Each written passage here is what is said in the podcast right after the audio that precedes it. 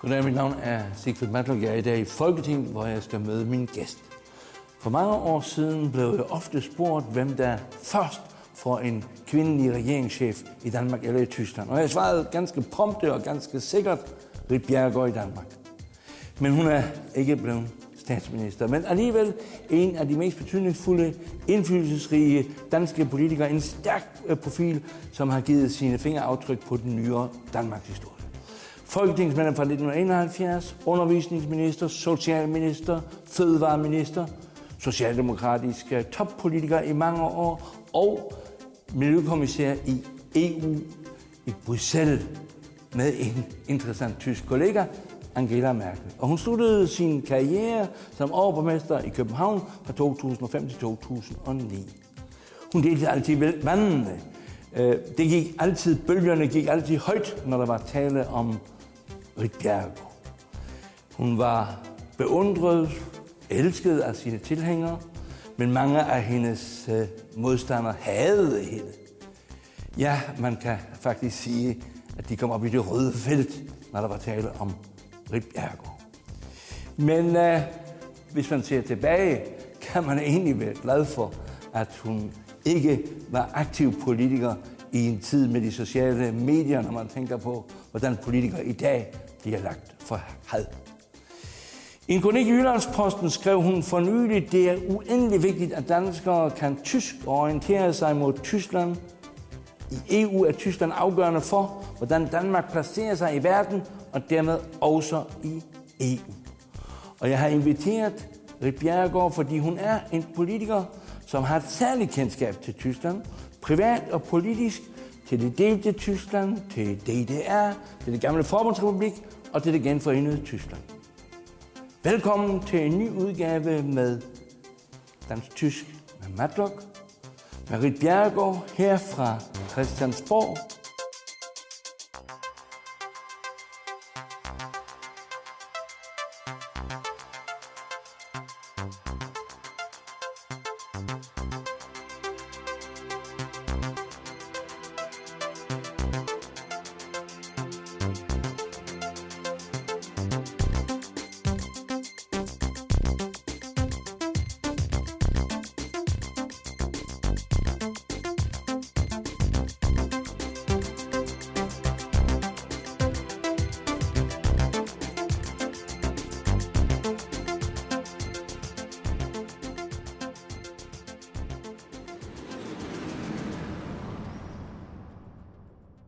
Rit Bjerregaard, velkommen til programmet.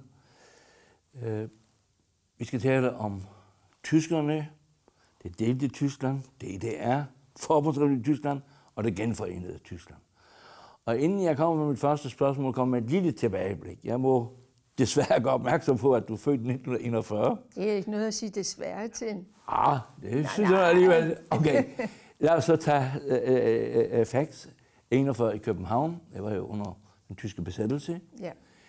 Din far var uh, Tysklands arbejder, har senere hen været med i modstandsbevægelsen som hjælper, uh, og var så senere uh, medlem af Kommunistpartiet. Indtil 1956. Indtil 56. Ja. Og det, der uh, i den sammenhæng så er interessant, det er, at du som 12-årig pige fik lov til, uh, via Land og Folk og Kommunistpartiet, at komme på et spejder, kommunistisk spejderlejr i Verbelinscenen ved Berlin. Øh, øh, junge pioniere, Ernst Tellmann pioniere. Ja, præcis. Og det jeg godt vil spørge om, øh, du virkede, hvis man læser nogle af dine bøger, som du selv har skrevet, men der er jo skrevet mange af andre om dig, begejstret for tiden i DDR, i hvert fald i, i, i lejrtiden, har jeg næsten sagt. I mødte endda uh, DDR's daværende statspræsident uh, Wilhelm Pieck, I mødte Martin Andersen Nexø. Ja. Hvad var så godt uh, ved, ved, ved DDR, sådan som du beskriver det dengang? Altså det, der var spændende for mig, det var jo simpelthen, at det var et, et fællesskab. Altså jeg havde været meget glad for, at Københavns Kommune havde sådan nogle feriekolonier, og øh, hvert år øh, om sommeren var jeg på sådan en feriekoloni i øh, tre uger. Men så flyttede jeg jo fra øh, folkeskolen til øh, mellemskolen på et øh, gymnasium, og øh, så hørte det sådan set øh, op. Og så fik jeg altså tilbuddet om at komme til øh, Færbelindsee, og, øh, og det var jeg jo rigtig glad for, fordi det betød, at der kunne jeg jo fortsætte øh, det fællesskab, men nu med øh, alle mulige forskellige øh, nationaliteter. Og jeg øh, fik en god pindeven fra Frankrig. Jeg skrev lidt sammen med en, øh, en tysk øh, pige en, en overgang. Og jeg synes bare, det var, var sjovt. Der, den der sø kunne man jo kajakke på.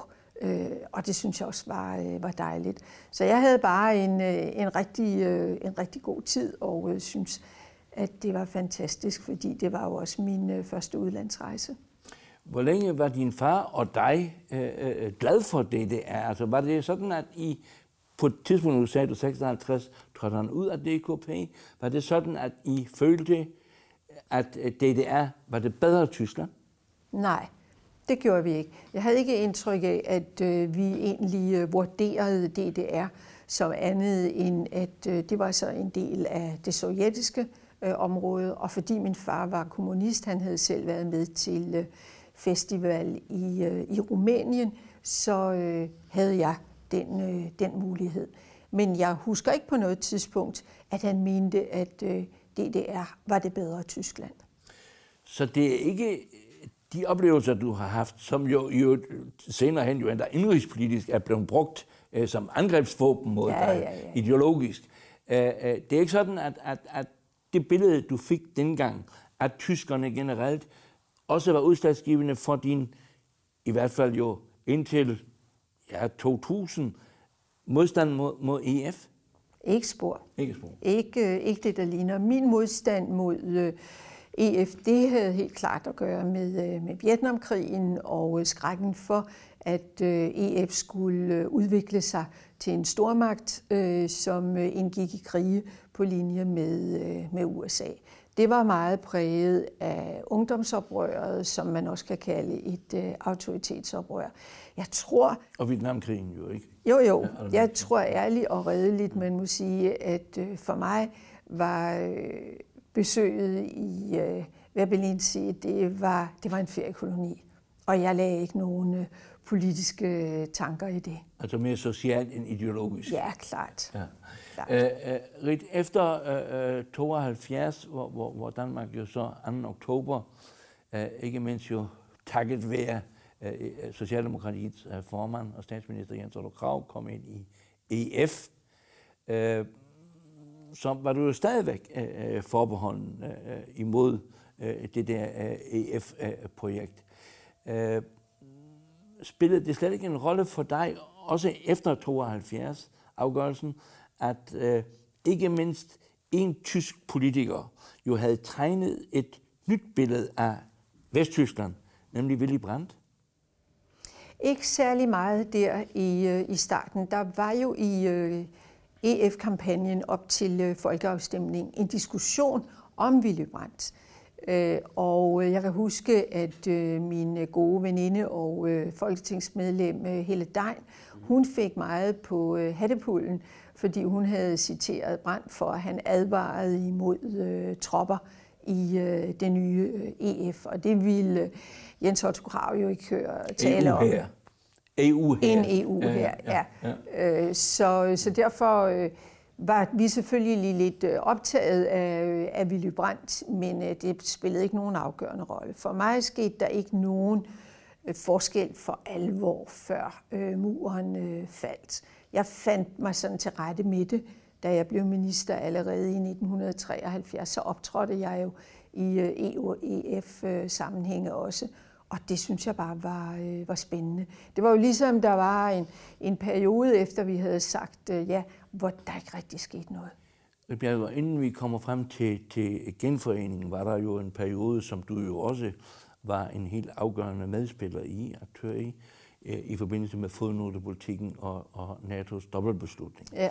Og der var det jo sådan, at øh, den, der jo var faderen til det, øh, var jo Socialdemokraten Helmut Schmidt, mens hans formand, Willy Brandt, jo stod sådan, han havde snakket mellem i begge lejre, Og så var der jo en, en arkitekt for østpolitikken, Egon Bahr, som var ja, altså det var, det var Egon Bahr, som, ja. øh, som vi havde rigtig meget ja, ja, at gøre med. Ja, ja. Og, øh, og den linje, vi øh, kørte, var jo i meget høj grad øh, påvirket øh, og øh, faldt helt i tråd med øh, den tyske.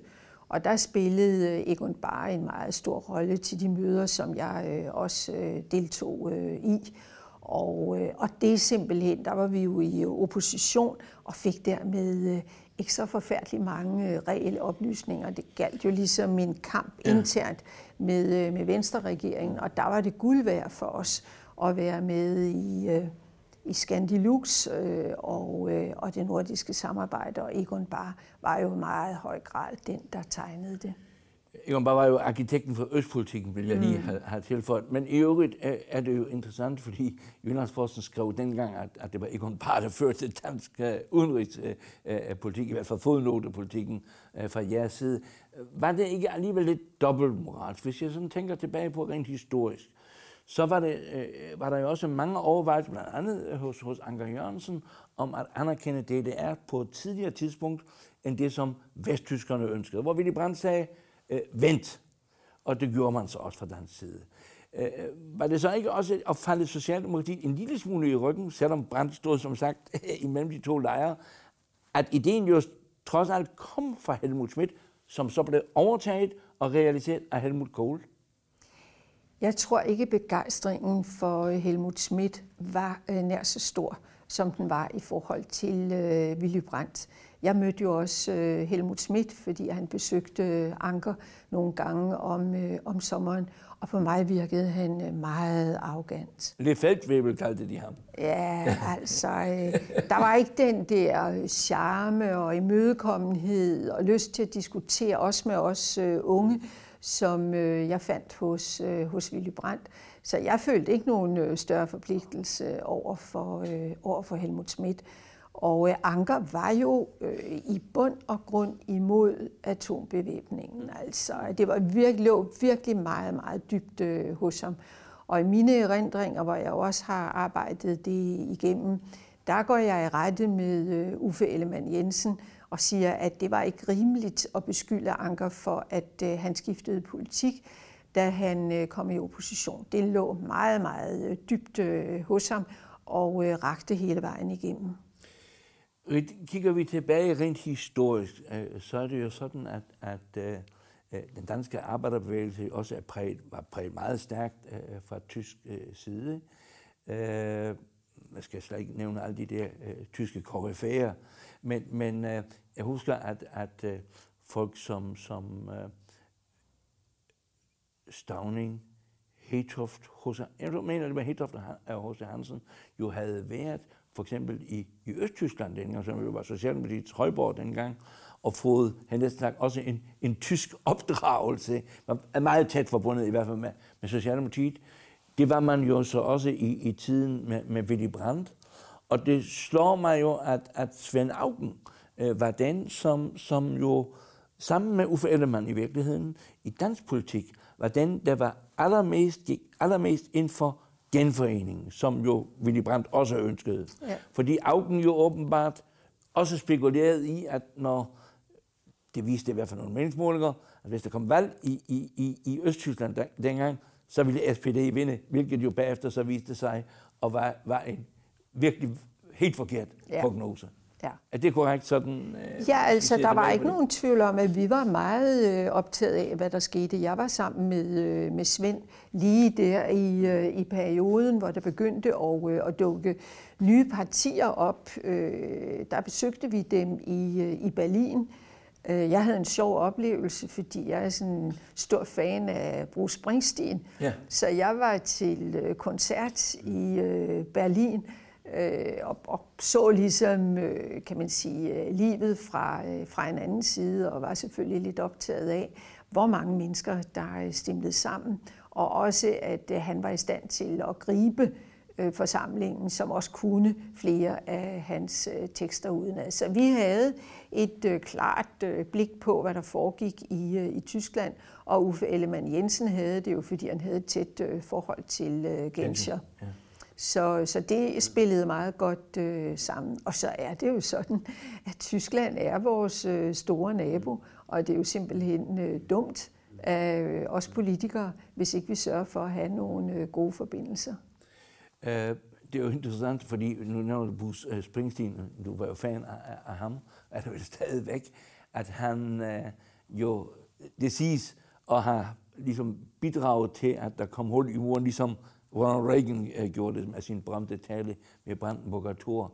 Uh, I øvrigt var det jo så også interessant, at da, da Øst-SPD uh, skulle, skulle vinde valget, så viste det sig jo, at, at men det var ikke kun i det parti, at, at formanden jo havde været stor Stasi, ja. Stasi-agent. Lad, lad det ligge. Det, som, som øh, jeg øh, bed mærke i, er, at du inden genforeningen engang enten har skrevet eller sagt, at Danmark er afhængig, engang kun øst og vest, Danmark er afhængig altid af det nordtyske sletteland. Ja. Og så kom det, som man jo så nyt hans kalder en, en, en game changer med murens fald. Øh, I øvrigt så jeg i nogle af dine ændringer, at, at I var i gang med at sætte et lægehegn op i Midtjylland, i, i, et, i et sommerhus åbenbart, mens muren faldt. Har du en ændring om, om murens fald, også rent følelsesmæssigt? Nej, ikke rigtigt. Jeg har prøvet, øh, og jeg tror simpelthen ikke, at øh, jeg så fjernsyn på det tidspunkt. Jeg var der selvfølgelig lige inden, og jeg var der kort tid efter. Jeg kan bedst huske, da jeg var derinde, fordi der holdt vi et øh, møde i, øh, i parlamentet, som jo lå på, øh, på østsiden, mm. Hvor uhyggeligt det var at stå og se den der øh, mur og de der øh, gravsteder, der var for dem, som øh, var blevet slået ihjel, fordi de prøvede at, øh, at komme over. Der fik jeg sådan et meget, øh, meget uhyggeligt øh, billede øh, af det. Jeg fulgte også lidt med i uh, litteraturen. Jeg har læst uh, Christa Wolf i, uh, igennem, uh, igennem alle uh, årene, og fulgte selvfølgelig også lidt med i den skæbne, øh, hun fik øh, efterfølgende, hvor hun så lige pludselig blev beskyldt for øh, at have holdt på øh, begge heste, hvad jeg nu godt nok synes var en lidt øh, søgt beskyldning. Øh, der er en dansk historiker, som jo er anerkendt, men heller ikke dig ukendt, Søren Mørk. Han har øh, skrevet i forbindelse med murens fald, at, øh, brugte ikke udtrykket paradigmeskifte, det er jo nymoderne ja. i dag, men, men han skrev, at når Tyskland er samlet, så har Danmark igen øh, en, en opgave at finde en position sammen med, med Tyskland, og han sagde, han tilføjede endda, så vidt jeg kan huske, at det er logik for perlehøns. Ja. Øh, så murens fald, øh, det var noget, som også mentalt, selvom du ikke registrerede den rent følelsesmæssigt, det gjorde Angela Merkel jo heller ikke. Hun var jo den aften i sauna. ja. Øh, det var for dig en, en, en forandring mentalt? Det var en ja. Øh, helt utrolig forandring, fordi lige pludselig skiftede jo sådan set Europa. Altså fra de to Tysklande og muren og hele det spændingsfelt, der var, der åbnede en, øh, en ny øh, verden sig. Jeg kan huske, at jeg var meget kritisk over for, øh, at amerikanerne var så ivrige efter at sige, vi vandt. Jeg synes ikke, øh, man kunne sige, at, øh, at de vandt. Jeg synes, der var tale om et øh, nederlag eller et tab, kan man sige, fra, øh, fra Sovjetunionen, som troede, at man kunne holde en, øh, en stor gruppe mennesker nede, som, øh, som de havde gjort det, og det synes jeg var noget andet. Uh, i forbindelse med, med hele den øh, proces efter, efter øh, øh, morens fald, øh, har jeg haft den, den glæde en gang at være øh, med dig i, i radiodebat hos Danmarks Radio, fordi du havde skrevet en kronik under overskriften Det fjerde rige, og øh, i den ud, udsendelse, som jeg lige har, har fået lov til at høre igen, der siger du, at, at øh, når nu Tyskland bliver genforenet, så øh, er der grund til at have, formulerer jeg dig, øh, rationel mistillid fra 5 millioner danskere over for 80 millioner tyskere. Og dit ønske var, at man skulle binde Tyskland ind i EF. Ja. Så det, jeg vil spørge om, fordi det var også så den logik, du havde, du sagde nemlig, hvis, hvis, hvis den nye konstruktion, den historiske chance, som du kaldte det, hvis den lykkes, så kan vi få tillid til Tyskland. Er den proces lykkedes? Ja, det synes jeg bestemt, øh, den er. Jeg synes, at det, det har været imponerende at øh, opleve øh, hele den udvikling, der har været i, øh, i Tyskland.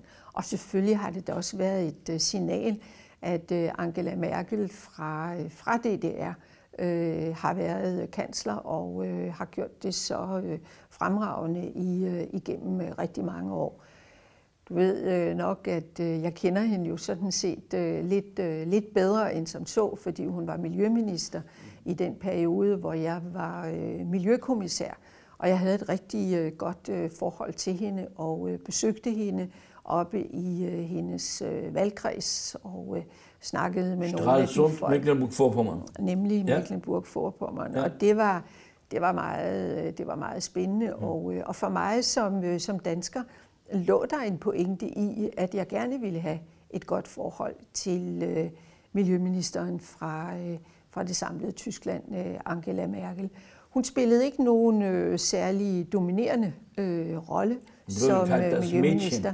Af, ja, af Kohl. Ja, det gjorde hun. Ja. Men hun var øh, sådan relativt beskeden, men, øh, men velforberedt. Altså hun vidste altid, øh, hvad hun talte om, og hun øh, placerede øh, Tyskland fornuftigt i, øh, i de debatter, vi havde. Det er jo interessant, at du i dag øh, jo også begrunder den tillid, man har til det genforenede Tyskland, blandt andet med, med Angela Merkels person. Øh, kunne du nogensinde have forestillet dig, at, at den miljøminister fra, fra øh, Berlin, som du mødte, blev en central figur, nogen siger jo endda, verdens stærkeste kvinde? Nej, nej, det ville jeg simpelthen overhovedet ikke have kunnet øh, forestille mig. Øh, jeg synes, hun var sympatisk, øh, men at hun havde det format, som øh, hun viste sig at øh, have, det synes jeg ikke, jeg kunne se dengang. Nu nævnte du jo øh, øh det samarbejde med Angela Merkel. Jeg mener endda også, at Angela Merkel selv har fortalt, at hun, øh, når hun stod i, i øh, Mecklenburg-Vorpommern i Rügen, og så kunne hun se Møns Klint. Ja. Så Danmark var, var simpelthen øh, perspektivet for frihed for hende, når der var godt vejr selvfølgelig. Ja, det er klart. Men, men når du nu øh, nævner Angela Merkel øh, som en, en, en, en stærk øh, tillidsperson, også set med, med danske øjne, øh, Øh, hvad med Helmut Kohl? Øh, der var jo en sag, nu skal vi ikke gå, gå, gå i gang med den, med den der berømte dagbog, hvor, hvor du jo havde en, en del kritik øh, mod øh, øh Helmut Kohl. Øh, Nej, Sen, senere ikke. har du sådan beskrevet hans indsats lidt mere positivt. Ja, nej, jeg havde ikke noget særligt okay. øh, på, imod øh, Helmut Kohl i, øh, i den øh, dagbog. Det var imod øh, Chirac, ja. og det hang sammen med øh, mm. atomprøvesprængningerne på, øh, på Moro Mm. Øh, nej, jeg fik et øh, rigtig godt indtryk af øh, Helmut Kohl, øh, da han besøgte øh, kommissionen. Og øh, han fortalte faktisk en, øh, på det kommissionsmøde en lille historie, som øh, viste, hvor bevidst øh, han selv om, hvad, øh, var om, hvad han var for en person.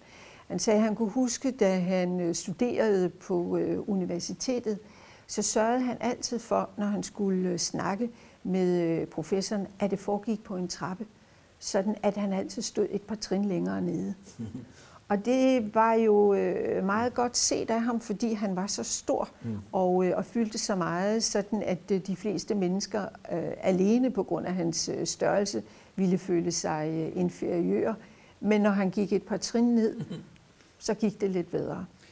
Og det viser måske også ja. en forståelse for Tyskland. Jeg skulle lige sige, at den, den, den, den der ja. succes, som man trods alt har haft, er netop resultat af en vis ydmyghed. Ikke? Tydeligvis. Som, som, som, ja. Ja.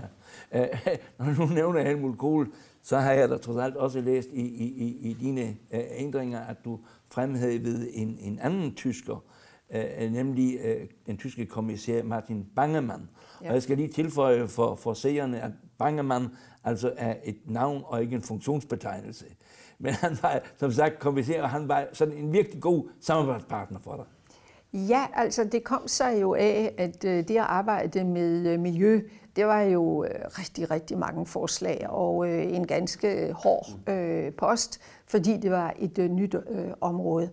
Og Martin Bangemann i den kommission, jeg kom ind i, der havde han siddet i den foregående kommission. Og han var industrikommissær også for telekommunikation også. Og det vil sige, at han var tit en modstander. Altså, hvorfor skulle vi nu blande os i øh, bilernes udstødning, og hvorfor skulle vi blande os i, og hvordan bilerne blev lavet, og man kunne bruge deres forskellige dele igen, og alt sådan noget. Så jeg tænkte ved mig selv, jeg bliver altså nødt til at prøve at få et bedre forhold til ham. Jeg inviterede ham ud på frokost, og øh, vi spiste på en øh, god restaurant, dem er der mange af i, mm. øh, i Bruxelles, og havde en rigtig god øh, samtale. Mm. Og han sagde så, at øh, ja, han troede som en egentlig nok, at øh, erhvervslivet i Tyskland ville synes, det var meget sjovt, hvis han blev lidt mere grøn. Og måske ville øh, mine øh, grønne miljøvenner også synes, at det var ret interessant, at man kunne inddrage erhvervslivet. Og så blev vi enige om, at vi ville koordinere vores udspil i, i kommissionen. Og det hjalp mig øh, rigtig meget, fordi når Miljøkommissæren og Industrikommissæren var enige, så var der jo ligesom ikke nogen grund til, at de andre brokkede sig så særlig meget. Så det var et godt samarbejde. Et sådan samarbejde kunne man også ønske sig i dag, ikke? Altså netop, ja, det... netop på et sådan område, som jo blev endnu mere centralt øh, ja. sidenhen. Rit, når vi øh, ser på den aktuelle situation, og jeg øh, lytter til, hvordan den tyske befolkning øh, reagerer, øh, så var der jo mange tyskere, som efter øh, murens fald nærmest brugte Chamberlains berømte ord om øh, peace in our time. Øh, man har selvfølgelig fredelige naboer i dag, men man har problemer med Putin, man har problemer med Trump, man har Brexit, man har Erdogan. Øh, der er en, en, en, en dyb frustration øh, i Tyskland, ikke kun på baggrund af globalisering og sociale spændinger, øh, øh hvilket også er resultat af, at man har fået Alternativ for Deutschland ind i parlamentet. Men, men øh, øh forventer udlandet og, og, og måske også Europa for meget af, af, af Tyskland i den situation, hvor det virkelig er nødvendigt, at der er en, der påtager sig ansvaret? Nej, jeg tror ikke, man kan sige, at øh, Europa forventer for meget, fordi det er jo klart, at øh, Tyskland er den store øh, magt. Det er der, der bor flest øh, mennesker. Det er en, en meget øh, stærk øh, økonomi, og, øh, og derfor øh, bliver det vigtigt, hvad, øh, hvad Tyskland øh, gør, og det kommer til at, øh, at påvirke øh, os andre. Og derfor tror jeg, at der er sådan en almindelig øh, glæde når der er et godt øh, forhold imellem øh, Tyskland og, øh, og Frankrig, billederne med øh, Kohl og øh, Mitterrand øh, gjorde, øh, gjorde rigtig meget. Øh, der har også været et rimeligt forhold imellem øh, Macron og øh, Angela Merkel, men der ligger selvfølgelig nogle, øh, nogle modsætninger. Altså Angela Merkel har jo taget konsekvensen af øh, sammenbruddet af atomkraftværket i, i Japan og øh, afskaffet øh, atomkraften, eller er på vej til det i øh, Tyskland, mens øh, Macron øh, gør det modsatte i, øh, i Frankrig, og det anbringer dem selvfølgelig i en, øh, en vigtig sag øh, på, øh, på forskellige øh, planer. Men jeg tror, det er udpræget godt for, øh, for Europa, når, når det samarbejde fungerer mellem Tyskland og Frankrig som, som en slags motor stadig, stadigvæk. Ja, ja, det er det. Så, og, og jo ikke mindre betydningsfuldt efter, at britterne jo nu alt andet lige jo, jo forlader. Øh, Men de har jo øh, aldrig rigtig nej, været en del nej, af det. De sagde jo altid ja. derovre eller dernede i, øh, i Europa. Så selv i den periode, hvor britterne var med, var det jo afgørende, hvad der skete i, øh, i Tyskland. Og det er da helt klart øh, totalt afgørende for, øh, for Danmark. Jeg tænker på, at, at, at øh, øh det er altid blevet påpeget netop det der med, med, med, med Storbritanniens rolle, at Churchills berømte øh, øh tale i 46 i Zürich, hvor han talte om, om det var vigtigt at få for Europas forenede stater, øh, øh, der talte han jo altid kun om Tyskland og Frankrig, men nævnte ikke Storbritannien. Så, så den der skepsis har jo sådan lidt igennem hele tiden øh, Øh, været, været øh, øh en kendskærning, og den, den var jo også til syvende og sidst udslagsgivende for, at, at, at vejene øh, skiltes i, i, i 72. Selvom Storbritannien kom ind, så var det jo i hvert fald også et skift for dansk politik, fordi Tyskland nu som EF-partner blev langt vigtigere og er blevet med årene endnu vigtigere for Danmark i forhold til Storbritannien og til det øh, angloamerikanske øh, forhold. Jo, men det er klart, for Danmark spillede landbrugsproduktionen en mm. meget stor rolle i 72, og derfor spillede Storbritannien en rolle, og vi gik ind, delvist jo fordi Storbritannien gik ind det mener jeg nu altid har været en misforståelse. Det var en betingelse, der kan man sige. Ikke? Jo, jo, men jeg, jeg synes, det har været en mm, misforståelse. Mm, mm. Jeg synes, at der skal langt større opmærksomhed øh, i forhold til, øh, til Tyskland. Og jeg synes, at det er dybt problematisk for et øh, så lille land som, øh, som Danmark, at øh, vi bliver så amerikaniseret, som vi bliver. Og, øh, og som vi snakkede om, før vi gik i gang her, så er jeg jo meget kritisk over for sprog øh, udviklingen i, øh, i Danmark, hvor øh, alle unge mennesker efterhånden snakker engelsk, og det synes jeg er fint og godt, men de kan ikke noget tysk. Og de kan faktisk øh, heller ikke engang noget svensk. Altså svenske og øh, danske unge, de snakker engelsk med hinanden, og det gør tyske og danske unge også. Og det tror jeg er en, øh, en forkert udvikling for et så lille land som Danmark. Vi udgør ikke mere end cirka 1 procent af befolkningerne i EU. Du har jo selv øh, øh, fremhævet, øh, og det gjorde du også lige før, at, at øh, USA har en for stor dominans i, i, i, i den danske bevidsthed. Øh, der er nogen, der tilspidset siger, når de kigger på danske medier, at Danmark er USA's 52. 20. stat. lad, den, lad det nu ligge. Det, som jeg ville ind på, det er jo også noget, noget som du lige har, har fremhævet, det var netop det med sproget. Uh, hvor du siger, det er nødvendigt, at vi orienterer os mod Tyskland, hvilket jo ikke betyder, at vi skal opgive uh, uh, vores holdninger. Nej, nej, nej. nej. Det, det med øjenhøjde, det er jo det, det nye i forhold til tyskerkursen uh, uh, før besættelsen i, af Danmark.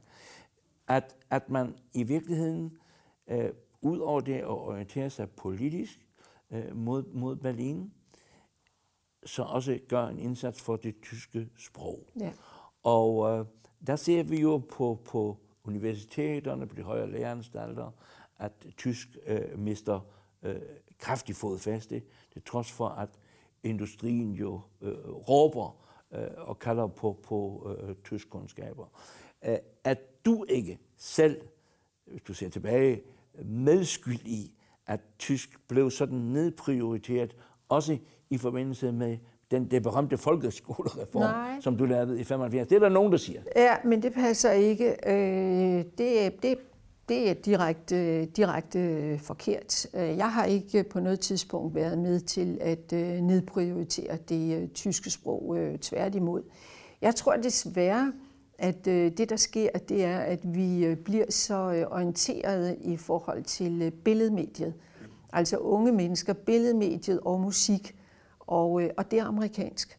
Og der får vi øh, stort set øh, ikke noget fra øh, Tyskland. Det er, der er få tyske film, der øh, kommer op i Danmark. Vi kender ikke øh, særlige tysk øh, rockgrupper. Det er jo ikke tilfældigt, at det er Springsteen, øh, jeg nævner her. For 99 luftballons. Den er fredssang fra Nena. Ja, jeg kender den ikke. kan du ikke? Undskyld. Nå, okay. Men, men, men det er det, som du siger, er, er grunden til, at, Ja, altså man, at det bliver, det er, man er, nød, man er ja. nødt til ja. at, øh, at ligesom gøre noget øh, mere aktivt øh, i forhold til øh, den unge generation, for at få dem til at interessere sig for Tyskland. Og det hænger jo sammen med sproget. Altså før vi fik så mange kanaler, der boede jeg jo på, øh, på Fyn, og der var det jo helt klart, at så øh, børnene tysk fjernsyn. De kunne alle sammen øh, tysk. Det er der jo ikke nogen, der gør i dag. Det er jo det interessante er jo med det tyske sprog. Hvis jeg går rundt på Christiansborg i dag, øh, kan jeg næsten ikke finde en dansk politiker, der overhovedet kan tale tysk endnu. Nej. Jeg kan heller ikke se, at, at det der engang var en, en, en stærk alliance, også følelsesmæssigt, mellem det nordiske Socialdemokrati og SPD endnu er tilfældet i dag. Øh, det lægger man i hvert fald ikke, ikke mærke til. Til trods for kan vi jo alligevel jo glæde os øh, og du endda som barn fra besættelsestiden, at forhold aldrig nogensinde mellem Danmark og Tyskland har været bedre end i dag. Nej, altså det er jo helt øh, ubetinget, og det er, det er så godt, som, øh, som det kan være. Men jeg kunne også godt ønske mig, at, øh, at nogle af mine partifælder var mere opmærksom på, hvad der skete i Tyskland, og sørgede for at, øh, at opbygge de forbindelser nu skal jeg nok her passe lidt på, hvad jeg siger, fordi jeg er ikke tæt nok på til at vide, hvad kan, hvor meget kontakt har for eksempel en Mette Frederiksen og en Nikolaj Vammen og en Nick Hækkerup, som i høj grad er dem, der tegner noget af det udenrigspolitiske. Det kan godt være, at øh, de har det, uden at det er noget, der bliver gjort noget særligt ud af. Men det ved du måske. Nej, nej, altså øh, jeg insinuerer øh, ikke noget, men jeg kunne ønske mig, at der var et, et, et stærkt, også partimæssigt øh, samarbejde. Det gælder jo også for de borgerlige partier i Danmark, at, at de næsten ingen øh, virkelig tætte kontakter har øh, med, med tyske politikere, sådan som man havde det i 70'erne og 80'erne. Og det gør alt andet lige jo, at, at, at man også i Berlin, nu vil det ikke være Bonn, men nu er det Berlin jo, bedre kan forstå Danmark og det er der jo behov for på mange områder. Jo, men det er jo meget, det er jo meget, det er jo sådan set meget sjovt, fordi øh, der er jo rigtig mange danskere, som har en lille lejlighed eller nogle kontorer og arbejder i, øh, i, i Berlin. Så, i Berlin. Øh, ja, ja, altså. Øh, så, så kan man kan sige, at der begynder øh, at være en, øh, i hvert fald på forskellige øh, planer, en, en bedre øh, kontakt, fordi Berlin har været så spændende og, øh, og følge, og der har været øh, til at få billige øh, lejligheder. Og nu begynder der også at komme studerende, som øh, gerne vil studere på øh, de tyske universiteter, og det hjælper jo også. Altså det vil jeg håbe, at det også kan realiseres endnu mere, end, end det er tilfældet nu. Fordi øh, det jeg oplever i, i Berlin er virkelig, øh, at man ønsker et endnu tættere samarbejde øh, med Danmark. Rit Bjergård, jeg vil sige tak, fordi du gav os et indblik i et særligt kapitel af dansk-tysk historie, som du øh, ganske væsentligt har bidraget til i en positiv retning. Tak skal du have. Tak.